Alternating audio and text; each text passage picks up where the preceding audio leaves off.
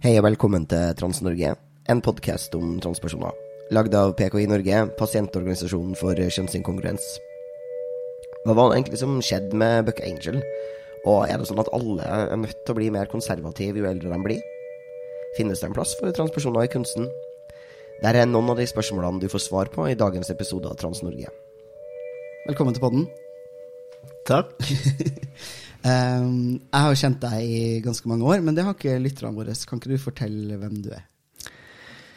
Jo da. Um, Jim Sernblom heter jeg. Ehm, jeg er kunstner og nå forfatter. Eh, jeg utga en bok i fjor på Nasjonalmuseets åpningsutstilling. Ehm, og ja, vi har kjent hverandre gjennom gode og onde, onde og gode tider. Eh, fra aktivistmiljøet, på en måte. Ja. Eh, du har jo vært sånn tydelig aktivist. Jeg har vært litt, men så er jeg jo kunstner, da. Så jeg har på en måte eh, jobba med tema innenfor det mer. Mhm. Mm. Ja. Cool. Du må si pronomen. Mitt pronomen er han. Ok, så jeg husker jeg Jeg vet ikke om du Nei, jeg vet ikke. Jeg husker det som at jeg hadde kommet ut ganske kort tid etter at du kom ut.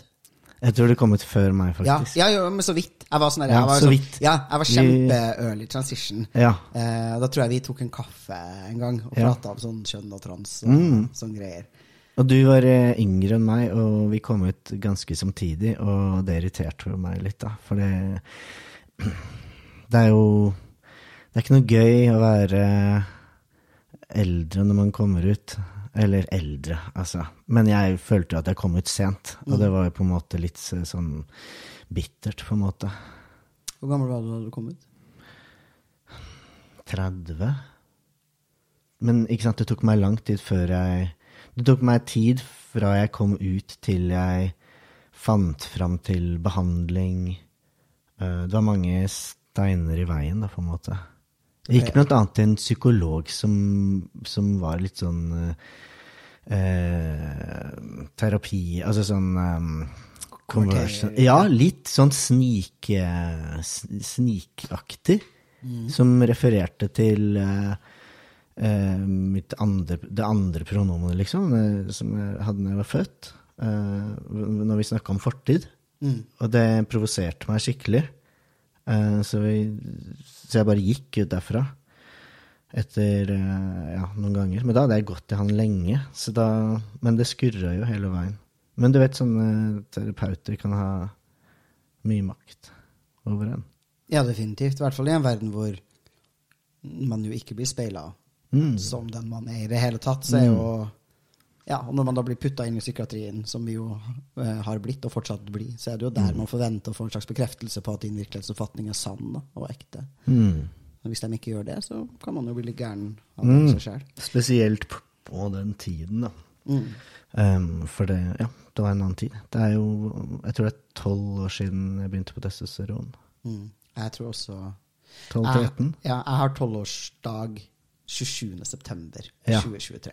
Ja. Det er tolv år siden jeg begynte på testosteron. Ja, da var det ganske likt. Og da var jeg jo litt sånn Du hjalp meg litt, for du hadde gått hos Benestad. Og jeg begynte jo der, etter at jeg fikk eh, Jeg husker ikke hvordan det skjedde. Jeg fikk telefonnummer av deg eller et eller annet. Ja. Så jeg måtte liksom både være takknemlig, men så var jeg også irritert. Men fortell litt mer om den irritasjonen. Altså den her følelsen av å komme ut seint, eller hva, hva det var noe du følte på. Hva, Nei, altså, eh, jeg var jo ganske på en måte mer konservativ da, enn deg. Det var kanskje derfor det krasja litt også. Og jeg meldte meg jo inn i HBRS eh, ganske tidlig mm, i transisjoneringen. Eh, og jeg var veldig på den at jeg er bare en vanlig fyr, og jeg vil bli kalt han. Jeg vil bli anerkjent som den jeg er. Eh, det var min første kamp, på en måte. Eh, jeg, jeg forholdt meg ikke til noen andre. Jeg måtte ha bare nok med min egen kamp, på en måte. Eh, mens du var vel litt sånn aktivist allerede da? Kanskje før det, til og med? Ja. Jeg tror jeg alltid har vært ganske aktivistisk, og jeg har vært veldig mm, Altså, det jeg opplevde kanskje som, som selv, er at jeg er veldig sånn typisk sånn, eh, Nesten et slags sånn mellomledd mellom forskjellige generasjoner med transfolk. Altså, jeg er en ganske gammel mm, transfyr, på en måte. Altså sånn Det er blitt det nå, sikkert? ja, men jeg, ja, men jeg, jo, Tiden men har jeg, tiden har gått. Ja, men jeg har blitt gammel, men jeg er, liksom, jeg er definitivt ikke en sånn gensetter. Eller sånn. Jeg er millennial, og jeg er eh, på en måte av den gamle skolen som jo har hunget rundt eh, lenge før FRI og andre begynte å jobbe med transting. og Det er liksom såpass lenge siden jeg transisjonerte at jeg har vært med på da vi hadde hemmelige møter og ting var veldig underground. Men eh, jeg følt, har alltid følt at i det liksom litt eldre transmiljøet, da, så, så var det på en måte Det var liksom det vi klassisk kalte liksom transvestitter, som var et miljø som var veldig eh, transfeminint dominert, og som jeg ikke følte meg hjemme i. Og så var det på en måte litt sånn HBRS-aktig konservativt, hvor folk og det tenker jeg er helt naturlig, fordi det var så lite rom for å være trans, at jeg tror at de folkene som var det og levde åpent som det, hadde et veldig lite space, og i tillegg hadde en veldig sterk identitet, som det skjønner man er, da. Eh, og ganske sånn var opptatt av dysfori, men også tror jeg jeg opplevde ganske mye mer dysfori enn det ganske mange transfolk gjør i dag, da, av ymse grunner. Mens jeg tror at jeg var veldig sånn Kjønn er en sosial konstruksjon. Jeg var dysforisk, liksom. Helt klart. altså Jeg har gjennomgått kjønnsbekreftende behandling, og det var helt klart liksom, kroppslig nødvendig for meg. Og det var ikke bare sånn at jeg liksom det er ikke bare, altså, jeg mener jo ikke at det finnes noe sånn skille mellom sosialt og kroppslig, egentlig, men, sånn, ja, eh, men jeg opplevde nok at det var sånn, ganske mange av de folkene som mm, kom ut samtidig som meg, da, bare er litt mer dysforisk, liksom, og jeg mer sånn Var mer opptatt av det som kunne oppfattes som litt sånn konservativt, da, og være litt sånn transmedikalister, og litt sånn, sånn som vi forstår det i dag, da, kanskje. Vet ikke. Ja. Hva du mener. Det er, nei, jeg, jeg tror man bare Jeg tror jeg også var redd for det eh, Jeg ble litt eh, redd for den, eh, for den måten du snakka på, som var Det var en mye mer sånn lettere måte, som var litt sånn Jeg var, jeg var, jeg var liksom Jeg var redd for ikke å bli tatt seriøst i forhold til dysfori, og at det bare skulle ha med eh, kjønnsuttrykk, eh, sosiale normer å gjøre. Eh, for jeg, jeg kom jo fra en veldig androgyn Jeg var veldig androgyn før jeg eh, begynte på transisjoneringen. Så det var veldig mange som jeg eh, kjente, også fra Kunstakademiet, som var veldig into sånn Judith Butler, all mulig sånn kjønnsteori. Og de folka var de som reagerte mest mot at jeg kom ut som trans. De likte ikke det. At, uh, at jeg gikk fra å være androgyn i et sånn mellomspace til å bare bli en mann. Eh, så de, de var på en måte de folka som nesten grein når jeg fortalte om at jeg skulle begynne på hormoner. Og de eh, Støtten kom fra helt uventet hold. Og skepsisen kom også fra uventet hold. Skepsisen kom fra folk som, som kom fra det feltet kjønnsteori, eh, og jeg var veldig redd. Jeg skjønte at de hadde et eh, helt annet konsept. Altså, jeg, jeg tror ikke de trodde på transpersoner. De, de tenkte at da er man veldig konvensjonell. Å ja, du tror at du må bytte kjønn bare fordi du er annerledes.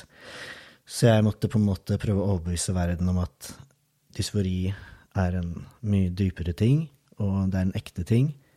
Og jeg er usikker på om noen av de folka Jeg tror de har samme holdninger som da. I hvert fall et par av de jeg kan tenke meg. Og de, de har jo gått over til det man kaller mer sånn turfs da, i dag.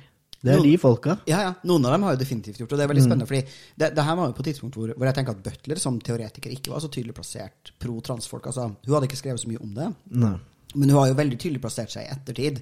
Eh, og jeg har alltid lest Butler som en teoretiker som helt klart åpner for at selvfølgelig er det opplagt at transfolk finnes, og selvfølgelig er selv om ting altså, altså, Det at ting er en sosial konstruksjon, gjør dem ikke mindre ekte, og det gjør ikke de her behovene eh, mindre ekte. Og eh, også hvis det liksom Hvis man bare forstår det som mm, Til og med hvis man forstår det som primært et valg, da, så er, det sånn, så er det like greit å velge å være mann da, som å være androgyn, eller velge whatever du vil. da.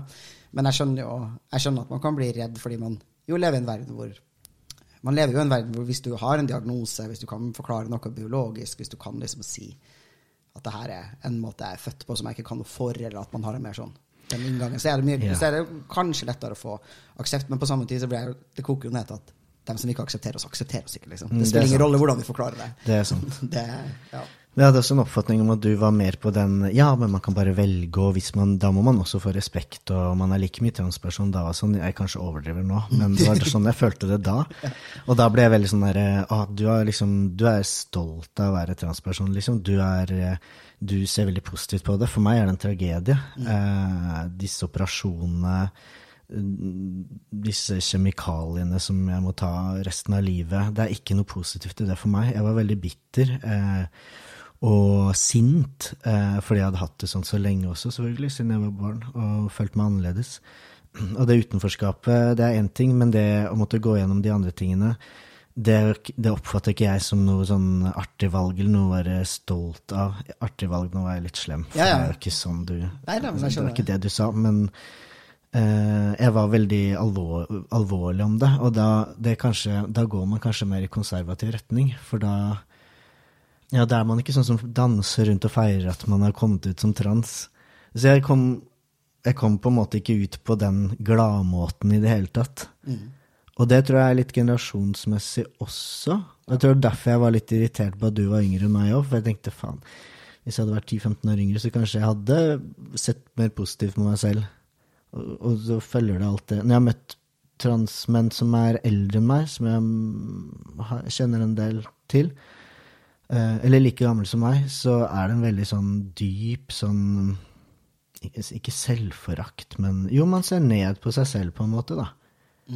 Eh, blant mange av de jeg Blant mange av de eldre også, fordi man hører Man har blitt på en måte Ja, man har jo fått eh, et bilde av seg selv, av sin gruppe, som Uh, Som er helt problematisk. Som aldri er liksom noe positivt. Og det har man jo på en måte tatt til seg. Og ja. Så derfor min irritasjon sikkert når vi møttes da, for å gå tilbake til det. Hvordan Ja, men jeg husker det. Så vi var jo litt fiender, for vi diskuterte og var ganske heftig. Mm.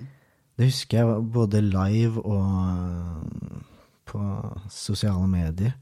Hvor jeg, det, det var liksom høy temperatur da også. Selv om nå har det gått helt av skaftet.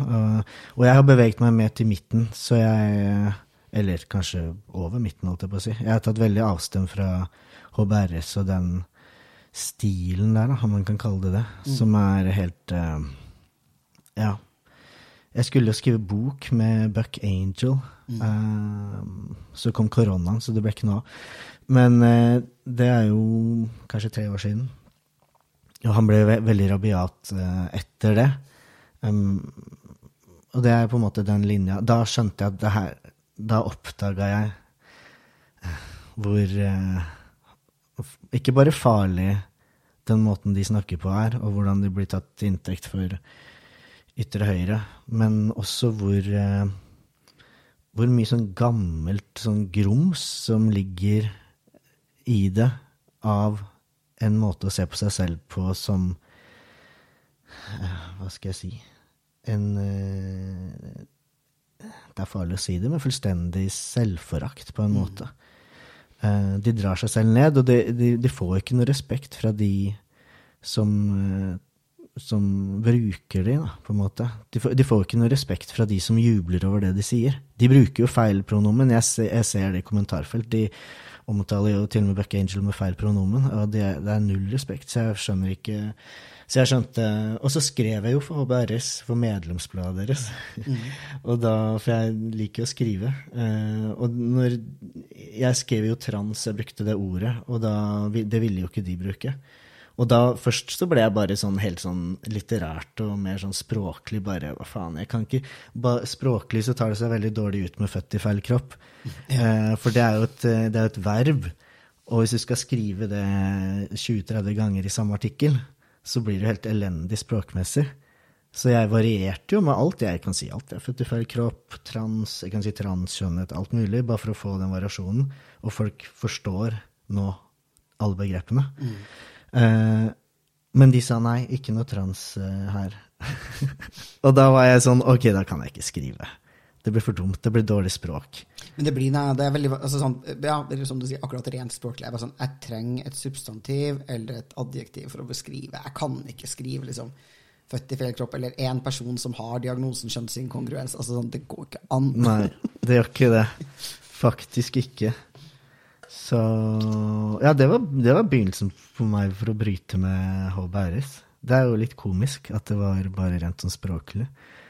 Ja, men, det, men, men, ja, men er det det? Fordi altså, noen ganger så kan det kanskje se ut som det er veldig sånn semantics når man krangler om de tingene her. HBRS er veldig opptatt av det, ja, at man ikke skal si trans. Men det er jo, en, det er jo også en grunnleggende skjønnsforståelse der. Det er jo Det sier noe om hvor du er plassert teoretisk, politisk, altså på et eller annet nivå, da. Ja. Om det så er sånn som du, da, som bare bruker alle ordene, som også er en, det er jo en posisjonering på et vis. Da er det sånn yeah, whatever, folk Og det er jo det som også er realiteten på et vis. Folk sier forskjellige ting, og alle de folkene er trans, på en måte. Altså, sånn, det, det, og du kan kalle det hva du vil, men det her er, det er på en måte en ekte væren som er eh, Tingene skal finnes. Sånn språklig sett så vil jeg si at når jeg, når jeg bruker trans, så er det mer litt Det er jo litt sterkere, litt mer sånn eh, Litt mer positiv, litt mer sånn eh, Ja, man føler seg sterk. Men når man sier født i feil kropp, så er det mer eh, eh, nøytralt, men også mot negativt. For det er på en måte bare noe man har havna i, på en måte. Ja. Jeg ble født i feil kropp. Det er som å være i et fengsel. Men det føler jeg også er riktig noen ganger. Så, så jeg har ikke noe imot å bruke det. Men ikke bare det. Ikke bare den litt sånn tragiske vinklingen. Mm. Nå sier jeg ikke at de i HBRS bare har en tragisk syn på seg selv. Det vet jo ikke jeg, og jeg tror jo ikke det. Men eh, ja, som du sier, språket er veldig viktig. Ja. Språket er viktig på samme tid som det også er sant at man kan ikke tenke seg ut av verken selvforakt eller dysfori eller andre av de her tingene. Altså, man kan ikke bare Ja, jeg kan tenke at skjønner ikke har noe å si, eller at man skal ha positive ideer om det å være trans, men det er, sånn, det er lettere sagt enn gjort. Men jeg tror allikevel at måten man snakker på, og det språket man bruker, også påvirker hvordan du forstår deg selv da, over tid. Og at det er forskjell på å være omgitt av folk som ja, snakker positivt og fint da, om det å være trans, og ser på liksom de positive tingene med det også, og folk som bare snakker om det som lidelse og helvete. Men på samme tid, jeg skjønner jo at hvis du opplever det som primært lidelse og helvete, og så møter liksom, ja, meg da, så bare er jeg sånn happy go lucky, dritartig være trans, kjempefornøyd med det, og man kan bli sur da. Bare være sånn, hva faen, liksom, her er, ja, her er jeg, og jeg lider, og du bare er en sånn douche, liksom, som syns at det er fint å være trans. Det var faktisk min oppfattelse av deg eh, før. Og så var jeg veldig redd for ikke-binære også, selv om det var jo ikke noe ord for det da, tror jeg. For 10-12 år siden. Vi Nei, brukte i vi, nei, vi sa liksom Ja, vi, vi, vi brukte litt flere og lengre begreper. Mm. Og det at eh, ikke-binære plutselig skulle være transpersoner, det var veldig vanskelig for meg å forstå. Og det var veldig farlig for meg sånn um, Det føltes veldig truende når jeg måtte overbevise folk fra alle kanter om at det var noe som, som at, det, at trans i det hele tatt var en greie, at det eksisterte. Da var det veldig farlig med alle de Jeg følte det som at Å nei, jeg kan ikke forvirre folk mer nå. Jeg prøver å overbevise folk her om at trans er noe ekte. At man er født sånn. Men nå er jeg jo Ja, gått over til den andre siden. Velkommen. Du vant. Å, det, det var det! Jeg skulle til å si Det var nesten godt at du sa, men det var, jeg vet ikke om jeg syns det var så godt, egentlig. Eller Jeg tror ikke jeg vant, på en måte. Altså, jeg tror det Det er jo bare en sånn prosess og reise som alle skal gjennom, da. Og så tenker jeg også at du føler at du har flytta deg til midten. Ja, du har nok det. Altså, jeg er enig i at du har flytta deg teoretisk og ideologisk, på en måte. Men på samme tid så har jo den sida du kom fra, flytta seg. Altså langt ut på høyresida. Ja, nettopp de har flytta seg der. Så Ja. kanskje jeg på en måte ikke har flytta meg så mye. Eller jeg har vel det. Men det har vært veldig fint hvis f.eks. Buck Angel kom over på den andre siden. Altså, det hadde jo, ingenting hadde vært bedre. Um, nå må man liksom velge sider her. Og det er sånn jeg bare, Nei, man skal ikke måtte velge sider. Jo, nå må man det. Mm. Nå må man på en måte Nå er ikke tiden å bare gjemme seg bort eller uh, snakke til inntekt for Eller bruke et språk som, som andre kan bruke, da. På ekstreme høyresiden. Det er veldig rart for meg, fordi de jeg på en måte måtte overbevise før uh, at uh, trans var en virkelig greie, og det å være transkjønnet var noe ekte, det var jo folk fra ytre venstre-siden. Det var de jeg møtte på i kunstverdenen. Du kan jo si eh, hun eh, Kristina Ellingsen og de, de eh, møtte man jo ikke på da. De har jo kommet til senere. Selv om hun Tonje, hva er det hun heter for noe? Tonje Evjong. Ja, hun begynte ganske tidlig. Og hun var jo på en måte Jeg kjente ikke henne, for hun er jo eldre enn meg, så det er veldig sånn aldersdeling i kunstverden. Men, uh, jeg, så, men jeg fikk jo med meg Hun begynte ganske tidlig. Uh, ikke før oss, men sånn 2014-2015 kanskje. Ja, hun skrev den der den legendariske kronikken eh, 'Vagina eller fronthull'. Den er fra Å, ja. 2015. Ok. i VG. Ja, og det er på en måte, eh, og hun hadde, altså, hun hadde jo lefla med antitranstanker før det, definitivt, men det er da hun på en måte første gangen skriver en offentlig tekst hvor hun framstiller som om transfolk er ute etter å ta over hele den språklige idéverdenen, og at eh, vi, Ja. vi skal Ja. tvinge alle sammen til å si fronthull. Ja. Som jo også var et ord som ingen i transverdenen hadde hørt før Tonje Nei. kom plass med det jævla fronttullet sitt. Det var utrolig merkelig, for jeg visste litt hvem hun var for, før, fordi hun drev med performancekunst. og Jeg syns, jeg, jeg syns det var jævlig kleine greier. Jeg syns det var helt forferdelig. Eh, og så kom hun med det etterpå. Det var helt absurd. Skulle hun gå for å være en dårlig performancekunstner til å drive og disse transfolk, liksom, og bruke tiden sin på det? Så, men hun var jo en av de lesbiske damene som føler seg trua, da.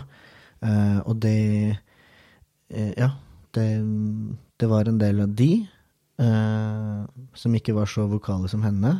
Um, gjerne litt eldre lesbiske generasjonen. Samtidig har jeg gode venner som er i den lesbiske eldre generasjonen, som ikke er sånn, så det er jo ikke noe Men det var en del folk, da, fra kunstverden, merkelig nok. Skjønner ikke hvorfor de kunstverden skulle være sånn type sted hvor det skulle komme fra. Og så hadde jo Kristina Ellingsen, som er veldig corny fordi jeg kjenner henne fra før. For jeg kjente broren hennes godt. Ja. Benjamin Ellingsen. Uh, han er jo kunstner.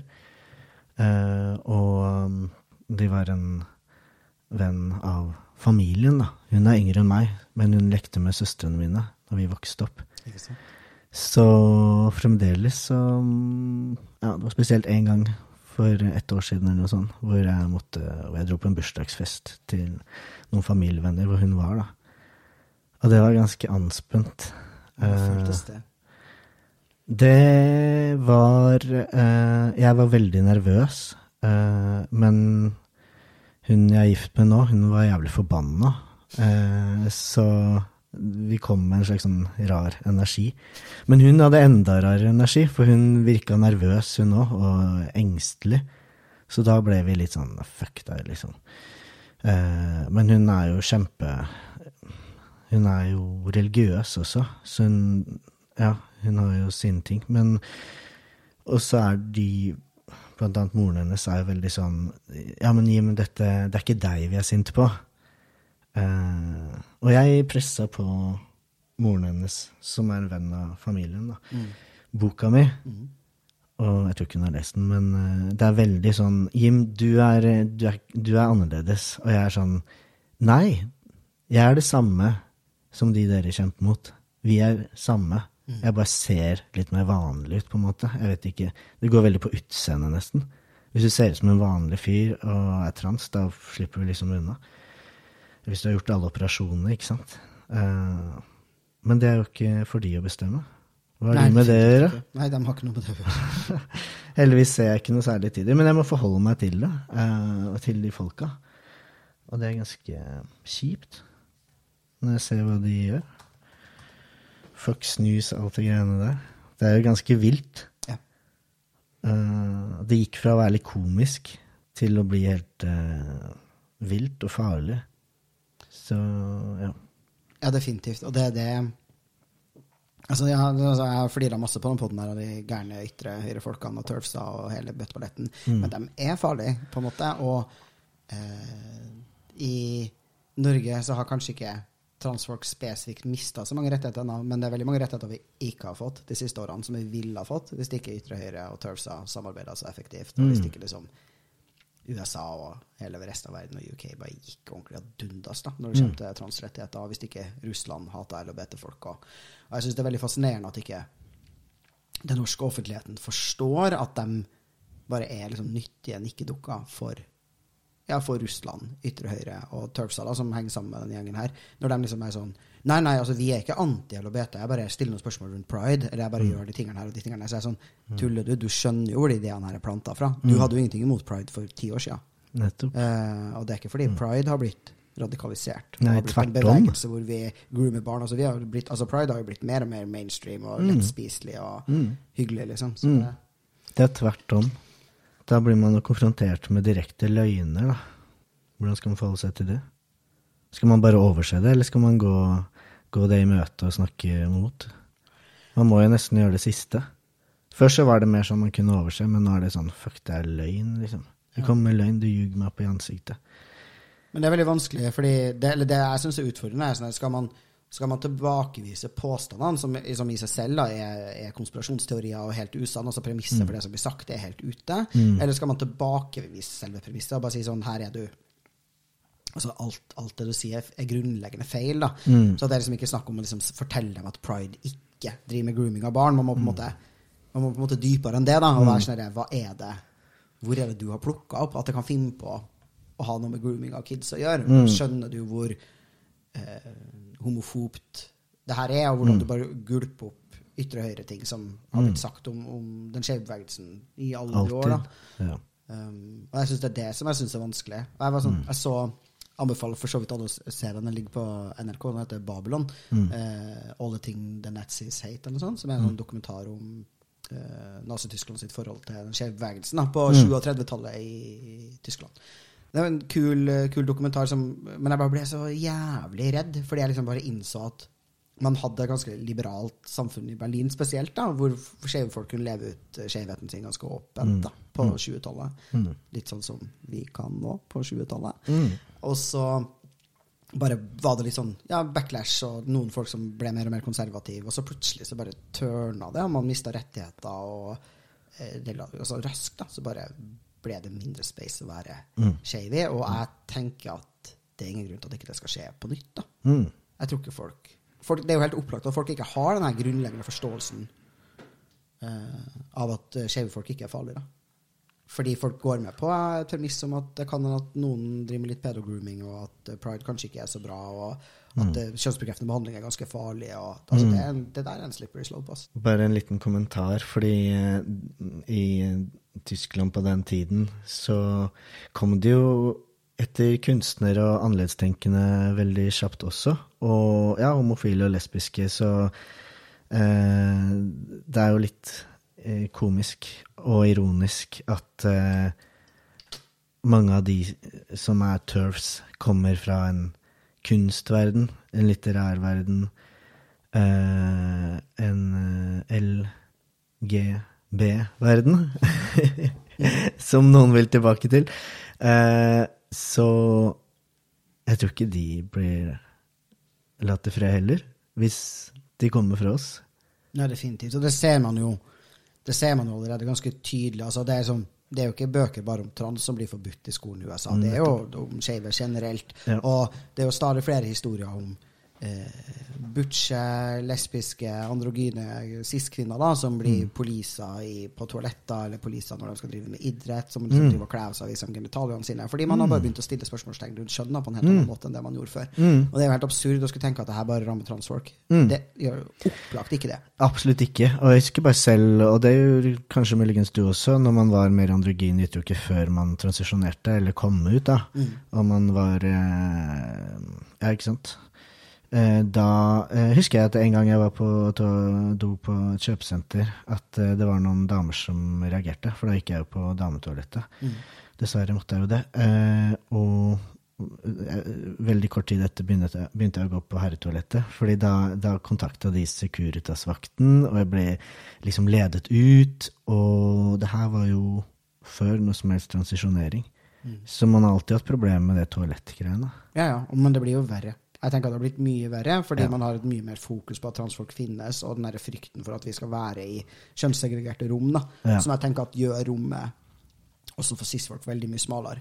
Og det tror jeg jo at de er for dumme til å forstå. Ja. Eh, men jeg får jo lyst til å bare si sånn Dere skjønner at det er dere som sementerer kjønnsroller, og som lager et helt forferdelig system for alle. Liksom, det er ikke vi.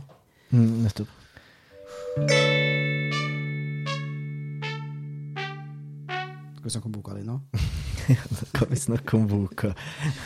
Jeg hadde egentlig tenkt eh, jeg har jo, Ok, så jeg har lest boka di. Jeg syns den var veldig fin. Og så tenkte jeg eh, jeg har jo egentlig lyst til at du skulle lese den, og så hadde jeg egentlig tenkt at jeg skulle liksom markere på mm, noen av de tingene jeg ville at du skulle lese, men det har jeg ikke gjort. da. Nei. Men kan ikke du finne noe du har lyst til å lese?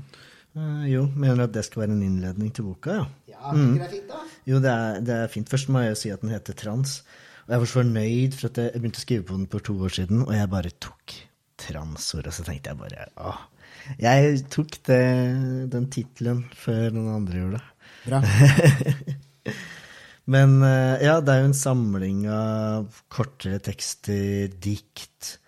Eh, den er jo ikke eksperimentell på noen måte. Den er jo eh, Ja, det er en samling tekster, da. Kan ikke du lese en tekst fra boka di?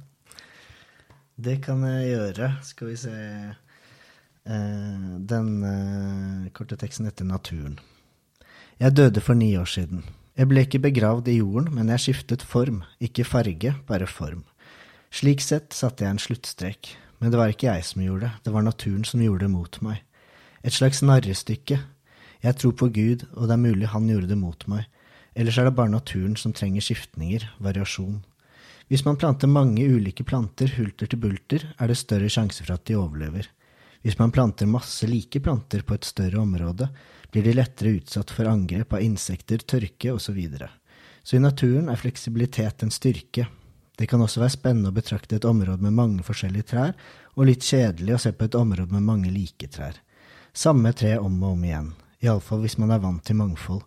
Men så kan man også være vant til at alt er likt, og da forventer man ikke noe annet enn bare en haug med like trær. Det er fin, da.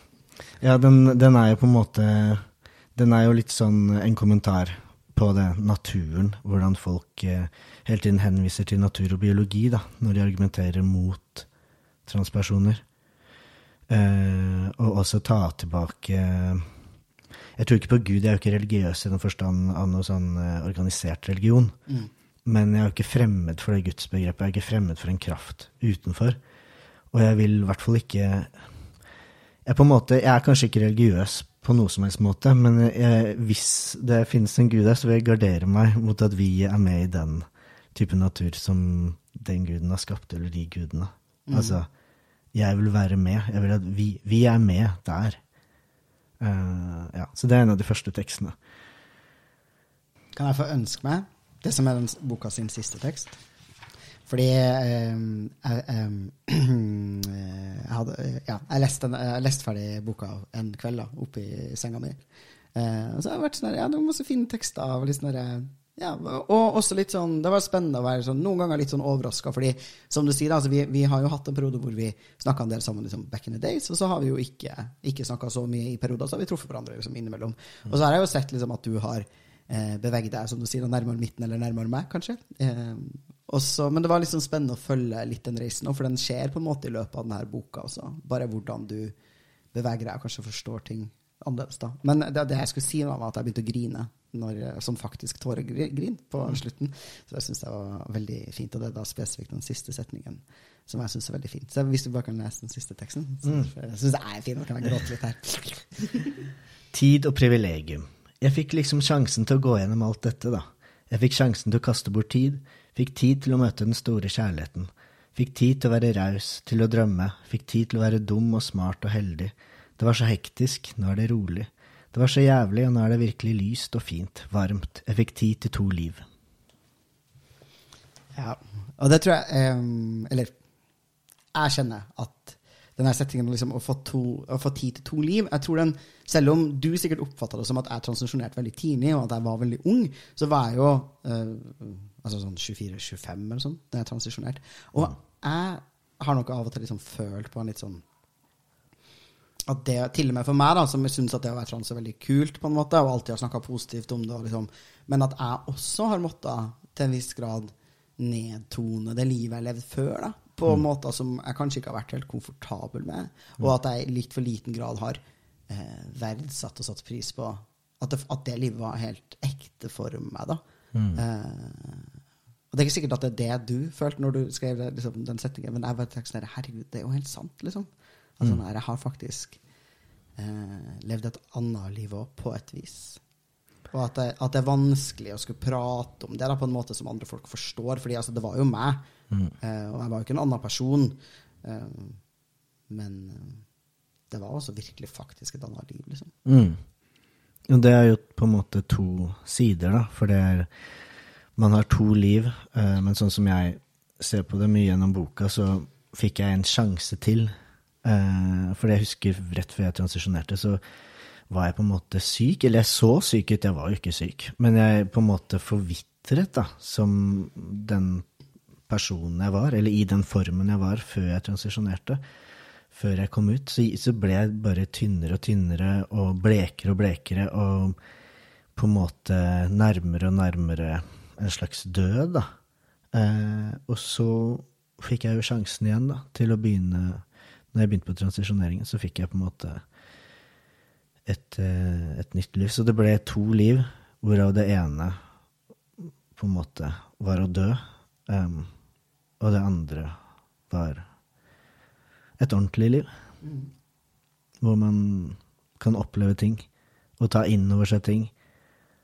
Uh, fordi jeg var veldig Jeg hadde et veldig dårlig liv før transisjoneringen. Det er vel kanskje felles opplevelse vi mange har, da. At man ikke er med på Altså, min, min ungdomstid var jo på 90-tallet. Tenåringene, hele 90-tallet. Jeg var 13 i 1990, eh, og det, det var veldig hardt. Det var ikke noen Jeg visste ikke om noen andre transpersoner. Eh, og jeg, jeg hadde ikke noe Mens alle fikk kjæreste og hadde liksom Altså, jeg hadde ikke sex med noen før jeg var 20. Eh, og da var det med en jente som var lesbisk, så det ble ikke riktig, det heller. Eh, så man Jeg gikk Jeg føler jo sårhet når jeg tenker tilbake på den tiden, for det, det var som om jeg ikke helt eksisterte, da. Det var en sånn halvveis eksistens. Så det, det med to liv er både sårt, eh, men også fantastisk. Mm. Så mm. Ja, for det da, man må jo på en måte Altså det, det er lettere sagt enn gjort, da, men på et eller annet vis må man jo bare forsone seg med at, at det var sånn det ble, da, og prøve å se altså det positive man også har fått ut av det. Men ja, jeg hadde ikke noen sånn klar idé om å være om at jeg var trans da, da jeg var tenåring, på en måte, men jeg hadde en veldig klar idé om å være annerledes Mm. og merkelig. Og Men skjønte du hvorfor du var annerledes, eller var det bare en slags sånn noe du ikke kunne sette ord på, eller du bare Eller trodde du du var eh, Du trodde du var skeiv, eller du visste du var skeiv, eller? Jeg visste at jeg var skeiv, eh, men jeg visste ikke altså det, det her er jo selvfølgelig det er en historie forma av at jeg har fortalt den mange ganger, men jeg husker jeg, jeg ble, da jeg gikk i åttende klasse, så ble jeg forelska i jenteklassen min. Og så sa jeg det høyt, fordi det var en veldig stor og liksom altoppslukende forelskelse. Og jeg husker det som at jeg ble veldig overraska over at reaksjonen til folk rundt meg var at jeg var lesbisk. Altså Det var på en måte den feedbacken jeg fikk. da. Og at det var rart for meg. At det at jeg ble forelska i en jente, sånn som alle altså majoriteten av kompisene mine ble, da, at det skulle være så jævla rart. Uh, men så hadde jeg jo på forhånd egentlig heller ikke en idé om det her ordet lesbisk, så uh, det ble også et ord jeg kunne flykte inn i. Og jeg tror at hvis jeg liksom skulle vært veldig sånn analytisk på det, så tror jeg nok at lesbisk for meg var en slags kjønnskategori. Altså at det, at det ikke handla om at jeg forsto meg selv tydelig som jente som forelska meg liksom, i andre jenter. Det tror jeg nok ikke at jeg gjorde, men jeg tenkte at ok, det er her gir noen meg et eller annet De kaller det lesbisk, og inni det her da, så får man lov til Jeg får lov til å like damer i det her, i det her ordet, og jeg får lov til å ikke Altså, jeg får lov til å være kompis med kompisene mine. Jeg fikk lov til å gå i liksom butcheklær. Altså, det fantes en Det var et kjønnsspillerom i det ordet også. Um, og det er jo en grunn til at LHBT-bevegelsen er sambevegelse. Liksom. Altså, kjønn og seksualitet er knytta sammen på måter som er intrikate og vanskelig å forstå, uh, men som jo er sann. Uh, og så gikk det Ja.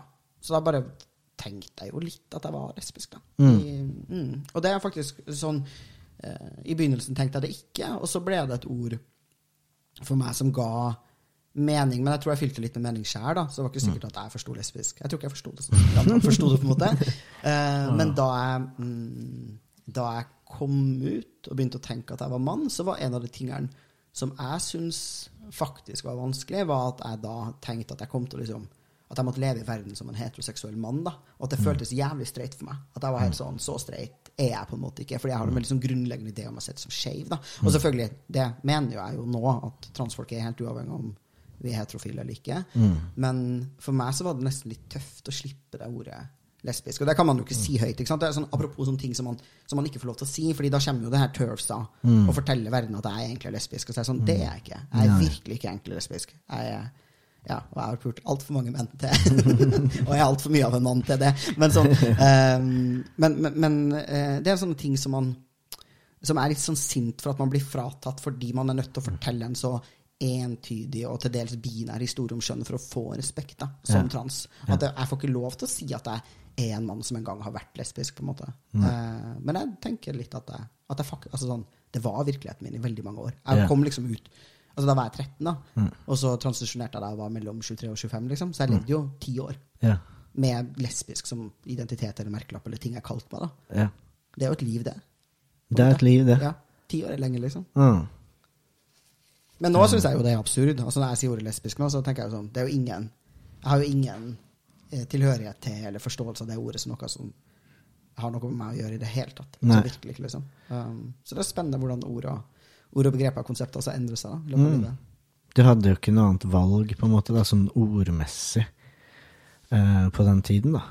Nei, herregud, hvis noen hadde fortalt meg at det fantes transmenn, så tror jeg nok at jeg ganske raskt hadde skjønt at jeg var en. Ja. Men det var jo en tid Altså det her er helt på begynnelsen av 2000-tallet, og det fantes jo noen transfolk på et vis, men vi var jo portrettert som uh, gærninger i både populærkultur og media. Eh, og så var det jo stort sett transfeminine folk, Mm. altså transkvinner eller Mm. ja, andre transfeminine folk. da. Mm. Eh, så Buck Angel var vel også min første, den første transmannen Mm. Som jeg fant i verden, da. Mm. Det var synd vi mista han, altså. Han var en bra fyr en gang. Eller, ja. Det var veldig synd. Og den boka skulle jo egentlig være en sånn dialogbok med han. Eh, for vi eh, Jeg møtte han i, i Florida, i Miami, når jeg hadde top surgery der. For lenge siden. Uh, fordi jeg bodde hos kjente han. Og selvfølgelig kjente jeg hvem han, han Jeg kjente jo til hvem han var. Mm. Uh, og, og jeg var veldig sånn stalka på Jeg syntes han var veldig kul og ikke sant? masse livserfaring. Eldre. Hadde vært liksom på gata og alt mulig pornogreier. Så mye erfaring, da. Eh, og så ble vi enige om, jeg og manageren hans ble enige Altså, jeg var akkurat på vei til å skrive avtalen. Fordi bokforlaget hans var veldig nøye på det, for han skriver på en sånn selvbiografi. Eh, så avtalen var i boks, og jeg kommuniserte med Buck Angel, men han kommuniserer bare når det er penger involvert. Ja. han er skikkelig businessmann. Eh, men det skulle skje, og så kom koronaen, og så ble prosjektet utsatt. Men jeg måtte lage en bok til Nasjonalmuseet, for det hadde jeg lova de. Og da begynte jeg å finne fram egne tekster og skrive nye tekster. Og, og så så jeg jo utviklingen til Buck Angel, og så ble jeg så jævlig glad for at ikke jeg gjorde det prosjektet. Fordi det hadde vært helt uh, blitt helt vanvittig. Uh, og jeg vet ikke jeg, skrev, jeg, jeg begynte å skrive brev, for jeg tenkte å, et konsept, han, jeg kan ikke jobbe med han, jeg sitter hjemme, det er korona, jeg kan ikke fly dit. Uh, jeg skriver brev til han som jeg ikke får svar på. Han kommer ikke til å svare på det, fordi han er en businessmann, han, han, han har ikke tid. Så jeg, jeg fyller en bok med brev, imaginære brev, til han, eh, som jeg ikke sender, men som jeg bare skriver. Eh, så jeg tok med ett i boka. Eh, men til og med det angrer jeg litt på at jeg har med i boka. For det var et veldig sånn sentimentalt Jeg hadde et veldig sentimentalt forhold til Buck Angel. Som Det var liksom han og Chaz Bono som var de første jeg så i media. Som også var litt suksessfulle og trygge på seg selv og liksom Ja, alt det der. De fikk det til i livet, da, på en måte. Men eh, også, det er jo så fall fra himmelen, holdt jeg på å si, fra, fra pidestallen, at han nå snakker så negativt da, om bevegelsen, på en måte. Uh, ja, så det ble en helt annen bok, da, denne transboka. Mm. Hvor er man, hvis man vil lese denne boka, hvor kan man få tak i den? da? Uh, den ligger på Den er ute på Tronsmo og de små bokbutikkene, Sagene bokhandel, Sankthanshaugen, men også på Nordli i Universitetsgata. Og så kan bestilles på nett på Tekstallmenningen. Syns jeg folk skal sjekke ut. Ja, det, det er veldig få skeive som har lest den, får jeg følelsen av. Ja, det er litt sånn eh, Men det er jo greit, det. For den er jo den ma Mange cis-personer, folk som ikke er skeive Det er fint at de leser den. Den er skrevet for alle, og alle aldre og alt mulig. Eh, for jeg ville jo nå ut. Men det som er litt gøy, da jeg begynte å skrive på boka for to år siden Men nå, de siste to årene, så er det plutselig kommet en del translitteratur, da, om man kan si det. Uh, og det. Så nå forsvant boka mi litt i andre bøker også, da. Spesielt amerikanske. Ja. Både romaner og dikt og alt mulig. Og det er jo også fint. Uh, fordi når jeg skrev den, så var argumentet mitt hallo, det er den eneste boka i Norge som er en type ikke-selvbiografi, da. Så vidt jeg vet, som er skrevet av en transmann. Eh, og dere vil ha representasjon i kunstverden i, på museene, så kom igjen, liksom. Dere må trykke den boka her. Eh, men det er fint at den er en blant mange nå, da, på skeiv litteratur i bokhandelen. Og mye bøker om alle typer eh, transpersoner. Så det er bare bra, det. Ja, jeg tenker det er jo det når vi snakker om liksom representasjon og mangfold, så er det sånn En person kan aldri klare å representere alle oss og alt mangfoldet, liksom. Så det vi trenger, er jo at, at mange folk skriver, at mange folk er kunstnere, at mange folk lager serier. Mm. Det Ja. Det er jo toder Det er jo litt sånn um, En sånn dobbelthet i det, fordi man blir satt på bokhylla i bokbutikker under skeiv litteratur, og translitteratur, kan de til og med si. Og jeg sier det til og med sjøl. og det er jo liksom Det beste hadde jo vært hvis man bare kunne stå på vanlig, i den vanlige hylla, eh, og at historiene At folk kunne liksom bare slumpe bort og kjøpe den uten å vite at det handler om transpersoner, om meg som skeivt og transperson. Eller, ja, ikke sant. Eh, og bare Å ja, mm, det er det det handler om. Men nå må jo folk bevisst gå bort til den hylla som har skeiv litteratur. Og det er det jo færre som gjør. Eh, og det er jo litt irriterende. Ja, jeg tror det mm, Ja. Man kan jo sammenligne det med hvordan kvinner har følt det, da, når de har gjort ting. En kvinnelig forfatter, en kvinnelig kunstner. Ikke sant? Man blir jo satt i den boksen, samtidig som det er positivt, selvfølgelig, at folk vet at det finnes, da. Sånn at det ikke bare forsvinner i vanlig, i anførselstegn, litteratur. Og den er kjøpt inn på, til alle bibliotekene, det glemte jeg å si. Det var liksom det Det var virkelig litt sånn seier for meg. For da står den på alle bibliotekene i Norge. Så det minste lille bibliotek i Odda eller um, Ja, et eller annet lite sted. Stavanger? Nei, det er ikke så lite. Det var veldig eh, hei og hå bord innafor Ring 2 i Oslo. ja, ja, ja, ja.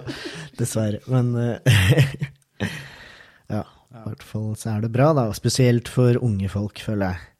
Men også eldre. Det er jo haugevis med eldre som aldri kommer ut. Som ikke har gjort det ennå, som ikke kommer til å gjøre det. Men eh, ikke sant, vi vet jo det at hvis man finner Det skal så lite til. Hvis man finner noe som er litt positivt, litt kult, eh, noen som klarer seg, som skriver eller som lager kunst eller musikk, eller som holder på med aktivisme eller hva som helst, så kan det være med på å gjøre at man kommer ut, da. At de plukker, og det går på biblioteket, og så Ikke sant? Jeg lagde boka 'Iøynefallende' cover, på coveret også. Det er jo rumpa mi.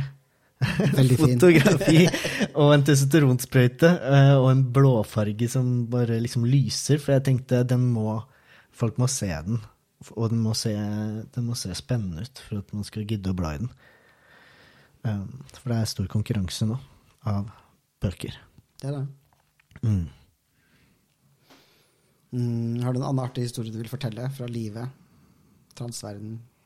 Jo, jeg tenkte, det første jeg tenkte på, var i forbindelse med boka så ble jeg intervjuet i Morgenbladet. Eh, fikk et ganske bra oppslag. Men eh, jeg ble litt sjokka fordi når jeg møtte de journalistene i Morgenbladet, så, så visste de ingenting. Altså, han som intervjuet meg, kjente ikke en eneste transperson. Eh, og det Det var overraskende. Men man blir jo konfrontert med det. Når man beveger seg utenfor sitt lille miljø, så blir man jo konfrontert med at shit, vi er jo ikke mange. Og de fleste kjenner jo ingen som er eh, trans, og de vet ingenting. Og alt informasjonen deres kommer fra sosiale medier eh, og vanlige medier. Så det, det gjorde at jeg fikk litt sånn eh, Jeg hadde tenkt å gi meg, egentlig, med å skrive om transgreier. Jeg tenkte det skal bli den boka her, og så er jeg ferdig med å skrive om det. Men, men det ga meg litt sånn Nei, kanskje det er mer der. Kanskje jeg må gjøre mer. Fordi folk er mye mindre opplyst enn det man tror. Mm. Og ja. Ja, det er folk, og jeg tror vi, vi er i hvert fall nødt til å gjøre noe som er noe mer enn å bare være venner med folk. da. Altså, Mm. man må, sånn, Å skrive en bok vil jo nå ut til et mye bredere publikum, være på sosiale medier osv., fordi vi er for få. ja. Altså sånn, som du sier, da, det finnes kryr av folk som ikke kjenner en eneste Mm. Men det finnes ikke så jævlig mange folk i 2023 2023 som ikke for eksempel kjenner noen som er homo. Og det er jo rett og slett fordi det, altså, Ikke bare er de mer åpne, men det er jo flere. måte, Mm, eller sånn, mm. for flere. Mm. Mm. Men vi har liksom arenaer eh, jo Ja, man er jo aktivist selv om man er mm, Man trenger ikke være sånn type aktivist-aktivist for å være aktivist. Man kan være det gjennom kunst, gjennom det man jobber med. Og bare det, hvis man er lærer, da, åpen, så påvirker man jo så mange. Like mye som når man jobber rent politisk, omtrent. Altså, jo, på en måte. Man påvirker jo barn, da, unge, kan gjøre. Eh, Så bare det å være åpen, og det var det som gjorde at jeg valgte å være åpen, da, fra at jeg ikke var det noen år i, når jeg transisjonerte. Så var jeg jo ikke det. Jeg tok jobber og sånn, hvor ingen visste liksom at jeg hadde transisjonert. Så det, det var min på en måte, måte å gjøre det på, da. Ja, men jeg tenker definitivt altså, Det er veldig mange ting som er aktivisme. Altså Bare det å være åpen trans da, i en Mm. verden som jo ikke er velkommen overfor oss, og som ikke er hyggelig, Mm. det er jo aktivisme. liksom. Mm. All synlighet er det. Mm. Bare, bare velge å leve, liksom. Det er jo en aktivistisk politisk handling når du er trans, tenker jeg. Ja. Enig. Mm. Så det ble ikke noe krangling eh, denne gangen. Vi er ferdig med det. Jeg tror vi er ferdig med det. Altså. Jeg kjenner jo at jeg også har jo blitt Det er nok sant at jeg også ikke nødvendigvis har beveget meg mot midten. Det tror jeg ikke jeg er noe ganske radikal sånn. Det har alltid vært det. Men jeg er mye mer pragmatisk og åpen for at alle ikke trenger å forstå kjønn på samme måte som meg. da, At det ikke spiller noen rolle. Mm. Fordi, som jeg sier, sånn samme hva din teoretiske inngang til det å være trans Altså, hvis du er trans, er du trans, liksom. Mm. Du trenger jo ikke å ha tenkt noe spesifikt rundt det for å være det. Nei. Det Det er jo det som er eh, Det er det som er kult. Jeg tror det kommer til å gå mot det. Jeg tror det kanskje blir mitt neste skritt. At det eh, når man, når man er en minoritet som, eh, som har så mye stigma og konspirasjoner og mot seg, og uh, merkelige ideer, så blir man jo veldig sånn Å, man må forsvare ikke bare seg selv, men gruppen sin, og man må komme med veldig sånn positive uh, innfallsvinkler, eller være veldig sånn og, Men ikke sant, neste steg til på en måte likestilling som minoritet, er jo å vise på en måte at det er eh, Ikke bare at vi er forskjellige, det er jo selvsagt, men at det er kjipe personer, det er liksom Det er, det er ikke Vi er eh, så fantastiske mennesker, på en måte, mer enn andre. Nei, det der prøver jeg Jeg krangler så mye når vi får gangene med i kommentarfeltet. Altså, det er jo liksom folk å fortelle meg at, ja, at jeg er for sint, eller sånn at jeg ikke gagner saken fordi jeg liksom snakker om transfolk på en sånn spesifikk måte. Da prøver jeg liksom å dra det argumentet igjen. Eller jeg blir sånn, Men enten så mener du at jeg skal ha grunnleggende menneskerettigheter, eller så mener du det ikke. Hvis jeg skal Ja. ha grunnleggende menneskerettigheter, så eksisterer de faktisk helt uavhengig av hvordan jeg oppfører meg. Nettopp. Altså sånn, nettopp. Jeg kan være et rasshøl, liksom. Poenget er, hvis du er villig til å tenke at transfolk som gruppe ikke skal ha rettigheter fordi jeg var kjip i et kommentarfelt, så har du aldri respektert oss i utgangspunktet. Aldri, liksom. Så det Jeg kan være så douche jeg vil. Mm. Så det er mitt fripass at det bare er et rasshøl i alle kommentarfeltene men det Jo, men det er kanskje viktig det òg, på en måte, for å få den bredden. Eller sånn bare at vi er oss selv, da, på en måte. Og vi skriker jo Mm, Men også det at vi er sinte. Ja, det er jo en annen ting. Det gir meg håp, på en måte. Hvis vi kan være sintere enn de andre. Enn de på høyresiden og de på ytre venstre. Enn alle de til sammen. Og det tror jeg kanskje vi er nå. Jeg er i hvert fall blitt det. Vi burde være det, i hvert fall. Det er faen meg mye å være sint for. Da vinner vi, hvis vårt sinne er større enn deres. Jeg tenker også det. Og det kan ikke være bare, Ja, fordi jeg tror folk er sånn Å, du møter med kjærlighet og bla, bla. Sånn, Nei, vi må faen ikke møte, møte motstand, liksom. Ikke nå. Nei, enig. Det er, Det er en tid for alt. Mm. Takk for at du hadde lyst til å komme på podden i dag. Det setter jeg skikkelig pris på. Tusen Det, var, det er alltid hyggelig å prate med deg. Ja, likeså. Ja. Så må alle kjøpe boka di, da. Ja. Cool. Eh, Jeg heter Luka Dalen Espeseth. Takk til deg som lytter på Trans-Norge. Spre ordet om podkasten og rate oss i podkast-appen din. Eh, Send oss gjerne spørsmål hvis det er noe du lurer på. Og takk til klipperne våre, Mina, Noah og L. Mm, Og følg PKI på sosiale medier, og meld deg inn på nettsidene våre www.pkinorge.no eller www.sjonsinkongruens.no. Tjopp, tjopp.